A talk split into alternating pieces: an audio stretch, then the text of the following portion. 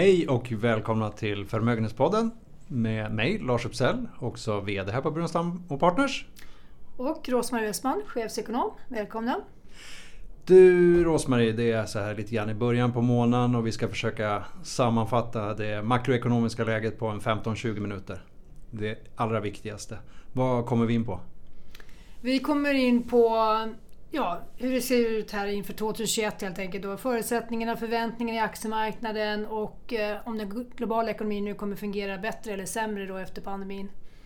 Eh, innan vi kör igång här så tänkte jag nämna också att det är den 9 december och det är strax efter lunch. Och, eh, men innan vi kommer in på de här temana, vi måste gå tillbaka till det amerikanska valet. Eh, kanske för sista gången. Vi får se.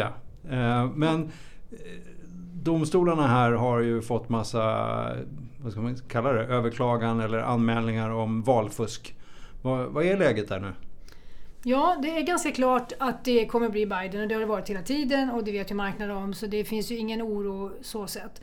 Men det är ju ändå, tycker jag, en, en liten eh, eh fläck på USA att man inte kan kommunicera kring det här valet som om eh, man faktiskt har klargjort det här en gång för alla. Och eh, Domstolarna fungerar, institutionerna fungerar, så demokratin har ju sina beskyddare i, i det ramverk som finns. Men däremot så har ju de här eh, anklagelserna om valfusk, det har fått, fått fäste framförallt hos republikanska väljare då, så den skadan har ju skett. Mm. Och det är ju bara att fundera nu på hur det kommer påverka dels det här eh, valet som är 5 januari då i eh, Georgia där man ska göra ett omval på två nya senatorer. Eh, får vi se hur det går med det valdeltagandet och lite grann eh, ja, om det blir samma visa en gång till där och sen om fyra år förstås då. Men man kan väl se det som en liten vedergällning, alltså det är väl det enda argument man har. Dels är det väldigt lönsamt för Trump, han har fått in 200 miljoner dollar i rena bidrag efter valet på att han har äskat pengar. Det är inga småpengar. Så att det kanske är den allra största drivkraften bakom detta. Och sen är det då vedergällningen för att man tycker att Demokraterna förstörde lite grann av legitimiteten kring förra valet genom att dra in de här anklagelserna om Ryssland och Rysslandkopplingarna. Att det skulle vara liksom en ren hämnd på det. Men hur som helst, man ska inte ägna sig åt det utan man ska ju försöka sätta landet först. Och det behöver man ju speciellt göra i krisläge och det kan man väl inte riktigt säga att USA gör just nu. Då. Det är väldigt tyst. Och det finns de som har jämfört det här med McCarthy-perioden då man kallade alla för kommunister på 50-talet. Det fick också väldigt mycket konsekvenser för enskilda människor och alla höll tyst. Det drevs ju av en enda person, en senator då vid namn McCarthy. Och inte ens presidenten Eisenhower gick emot det utan det fick också rasera under ungefär fyra år. Så ett hack i demokrati demokratin, eller? Ja, eller också i USA. ja, den amerikanska demokratin, det var det jag menade. uppvisar de här tendenserna ja. och att de kommer tillbaka med jämna mellanrum. Men jag måste ändå ställa en följdfråga. De här 200 miljoner dollarna, mm. vad har Trump äskat pengar för och vad händer med de pengarna? Jo, det är så här, han har öppnat en liten ny eh, sån här fond då, kan man säga. Eh, så att han kan använda dem nästan till vad som helst. Eh, löpande utgifter för att ja, ägna sig åt politisk verksamhet och jag tror inte att det begränsar någon ens vid det. Eh, det är skrivet så här mellan raderna, eller ja, men den fina texten är skrivet så här att eh, ingenting går till det som det var egentligen tänkt, nämligen de här anklagelserna och rena utgifter för jurister förrän man har eh, då eh, gett mer än 5 000 dollar.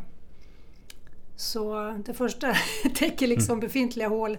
Och det fanns kanske lite hål efter kampanjen för det gick inte så bra med kampanjinsamlandet. Så det fanns eh, ett hål och sen eh, lever man ganska bra på 200 miljoner dollar. Det kan man ju faktiskt kan, överleva kan man kanske bygga en golfbana till på. Ja, eventuellt. Hörru du, vi, vi släpper det valet eh, och får säkert anledning att komma tillbaka till USA. Men just det amerikanska valet tror jag vi släpper det. Vi går till något mer spännande här i den här pandemin som vi nu lever i. Vacciner kommer och börjar få godkännande på olika sätt. Eh, jag tycker det är dagliga rapportering om godkännande på olika nivåer. Kan du inte reda ut begreppen för oss lite grann? Vad är det, vad är det vi har på vaccinsidan och vad kan vi förvänta oss framåt? Mm. Det är tre stycken västerländska då som är på banan nu. Förutom det så har vi ett kinesiskt och ett, ett ryskt eh, som redan då delvis är, på, är igång redan. Men om vi håller oss till de västerländska så är det då tre stycken. Och, eh, den som blev snabbast på detta nu och godkände det var faktiskt eh, Storbritannien. Och de har inte gjort en full uh, under, uh, overview som heter utan de har gjort en emergency i, vad heter det, alltså en, en snabb process kan man väl säga det. Ja, typ. Mm. Och då, och då finns det de som hävdar att det ska man inte göra när man ska vaccinera hela befolkningen på det sättet att då ska det ju vara mer grundligt. Men, men de kan ändå hävda att de har gjort, de har alltså fått eh, de här resultaten från Pfizer då eh, som i sin tur har arbetat med ett tyskt bolag har de fått under hand så de har varit, fått dem i realtid mer eller mindre. Så därför fick de det här försprånget. Samma vaccin kommer då eh, godkännas i USA. Och det här är eh, Pfizers vaccin? Det är Pfizers ja, mm. med Biontech också då, som är det tyska bolaget.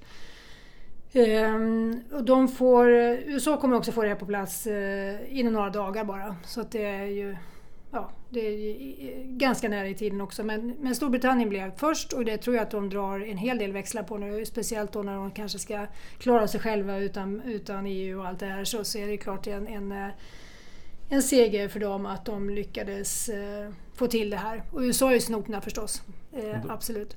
Och sen har vi då ytterligare ett i USA, eh, Moderna, som är samma teknik. Det är det här som kräver 70, minus 70 grader. Alltså det finns ju logistikproblem kring de här. Sen finns det ett tredje som AstraZeneca då är involverad i som görs tillsammans med Oxford. Och där behöver man inte den här minus 70 utan då vanlig frystemperatur, minus 18-20 någonting. Så det kommer att underlätta och förhoppningsvis så har ju Sverige då tillgång till det här Astra, det är vad som har stått i alla fall. Eh, så då kanske det förenklar lite grann för den här distributionen i Sverige men det kommer inte bli så jättelätt. Uh, är det bara Astras då som är det här lite mer logistiskt sett enklare, bara räcker med vanlig frys? Ja, så här långt är det det. Och hur de andra kandidaterna ser ut, det vågar inte jag svara på nu. Uh, det är ju helt olika eh, teknikbas för det här helt enkelt. Så vad de andra bygger på det vet jag inte. Men vi väntar på ett beslut inom, eller ett godkännande då inom EU eller är det, gör man det i Sverige? Nej, det är EU eh, som gör det och sen eh, så vi lutar oss ju på det om jag har förstått det hela rätt och eh, EU kanske i dagsläget har den allra högsta tilliten skulle jag säga och de tror jag kommer göra också på det här lite mer omfattande sättet som inte är tillfälligt då. Jag tror det är många som hoppas att det här vaccinet ska få en snabb effekt och att vi får en mer social vardag. Men om vi tittar på 2021 då, vi är ju fortfarande i en pandemi, vi ska in, vi kommer få en svagare inledning på 2021. Men, och det är ju liksom virusutbrottet nu, andra vågen som vi är mitt inne i och vissa länder kanske pratar om tredje vågen också. Men vad innebär det här för resten av 2021 sen? Vad, liksom, vad tror mm. du? Ja, vi får en lite svagare start än vi annars hade fått.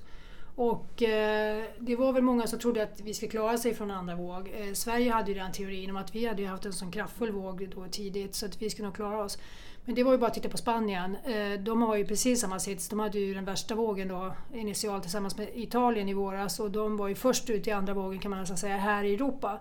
Och där var ju ingen åder utan de fick ju verkligen ta till en hel del eh, åtgärder och sådär. Så att det hade Sverige kunnat titta på och tänka att ja men nu händer det i Spanien och kanske att vi ska ja, strama åt här i Sverige då. Men det drog, dröjde ganska länge igen får man väl säga då innan, innan Sverige kom med sina begränsningar. Och jag är inte någon förespråkare för att man ska stänga ner eh, kanske varken butiker eller produktion och sådär men, men jag tycker nog att budskapet kunde varit lite mer kraftfullt tidigare. Man kunde ha lärt sig tidigare. Mm. Men vad tror du om eh, den ekonomiska utvecklingen? Vi har nu en dopad ekonomi. Mm. Är det lätt att se liksom, de underliggande drivkrafterna i ekonomierna nu eller måste man vänta? Jag tror man måste vänta och det kommer att vara ganska svårt. Alltså vi kan nog konstatera att det behövs stöd för det, arbetslösheten är ju högre än vad den normalt är. Alltså konsumtionshushållens köpkraft är ju begränsad. Så den måste ju upprätthållas. Och sen får vi då titta på produktionssidan, den ser ju bättre ut och där är Sverige tillbaka snart på oförändrat. Men vi vet ju inte heller hur skiftena ser ut. När man bromsar ner så kraftfullt som vi gjorde under trots allt då under, under våren här, eh, vi blev ju påverkade, inte av att vi själva stängde kanske så mycket utan att alla andra stängde. Eh, såklart att det ger en väldig skjuts när man väl startar upp det här igen under kvartal tre. då fick vi ju jättehöga tillväxtsiffror och eh, det såg väldigt bra ut. Men sen kom den andra vågen och då, då får vi ytterligare lite försvagning igen. Och det, det, alla ser att det mattas av. Det mattas av i Europa men det mattas av även i, i USA nu. Så det är ganska tydligt men det är ju inte alls de här dramatiska siffrorna vi såg i våras utan det är på en, på en mycket mindre omfattning. Så, men det ger, en, det ger ändå den här känslan av att momentumet i ekonomin stannar av. Och därför får vi liksom ingen skjuts, ingen kraft i den här uppgången initialt som vi kanske behöver. Men kan vi inte få se samma säga, effekt i, i den svenska ekonomin när vi ser nu att räntorna förmodligen blir låga under en längre tid framåt. Eh, huspriser, lägenhetspriser stiger i värde vilket innebär att eh, vi som konsumenter kan använda lägenheter och hus som bankomater och låna lite mer pengar och konsumera mer. Får vi inte en konsumtionstryck där också? Ja, du kan ha rätt, eh, hoppas jag. Men jag är lite mer tveksam så tillvida att vi är, är redan nu en lågränteekonomi. Det har vi varit väldigt länge. Jag tror att ränteeffekten har ju ännu större effekt på ett land som USA där man kanske fortfarande har 3 i, i deras eh, bolåneräntor för de brinner på 30 år. Och, eh, och de kommer då kanske från 4,5 ner till 2,92 eller vad det kan vara. Så den skjutsen är ju större än vad den vi har fått i Sverige. Eh, men det är klart, du säger att det blir en period med, med låga räntor under längre tid och det stämmer ju. Men, men där är det ju också en viss osäkerhet. Så jag tror att initialt har vi fått den här den här boomen. Och den tror jag den beror, den, det är en förmögenhetseffekt helt enkelt av att och att man har värderat upp, eh, alltså bostäder har man fortfarande varit intresserad av att köpa. Man vill, alla mer eller mindre vill ha större utrymme och då får man göra på lite olika sätt beroende på vilken ekonomi man har. En del flyttar ut från storstäder, blir billigare och en del eh, byter då befintligt och så vidare. Så det har hållit igång eh, jag säga, bostadsmarknaden väldigt väl och det är ett mönster man ser överallt egentligen. Och inte minst i USA, där det har varit allra tydligast. Eh, men det där, tror jag, det, där kommer klinga av tror jag. Eh, man blir van vid att räntorna är låga och eh, man har ju bara så mycket köpkraft. Och det, de stimulanser man har fått kommer ju inte återkomma igen. Så det, vi kommer ju från ett läge där vi kanske haft bättre ekonomi för att man har spenderat mindre. Eh, så går man tillbaka till det normala och då kanske man får mindre utrymme till viss, till viss konsumtion. Och då kan ju det här med att lägga pengar på bostäder vara en av de sakerna som man inte då kommer lägga lika mycket pengar på sen, senare. Vi, vi, får se. Men mm. om vi mm. tittar på förutsättningarna liksom, på de större regionerna, kanske Sverige också, BNP-mässigt sådär under, under 2021. Vad tror du då? Sverige, Europa, USA, Asien? Vilke, vilke, hur ser förutsättningarna ut? Mm.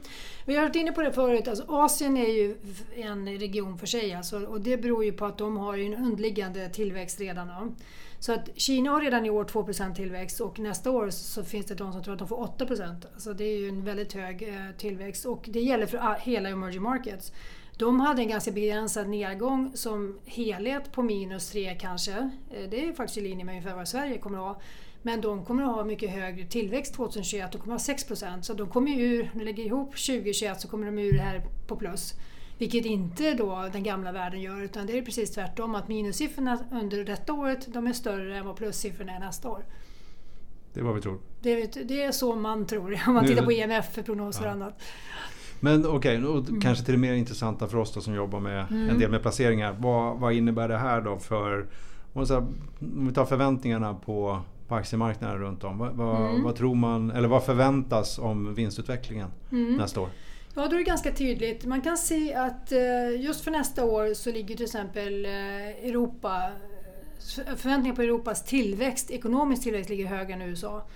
Men så ser det inte ut på aktiemarknadens förväntningar utan då är det mycket beroende på vilka sektorer som, som då är dominanta i de här olika indexen. Och då kan man se att förväntan om vinsterna i USA den ligger alltså plus 6 procent om du jämför med vad vi hade för vinster innan pandemin bröt ut. Så om vi tänker februari då, 2020.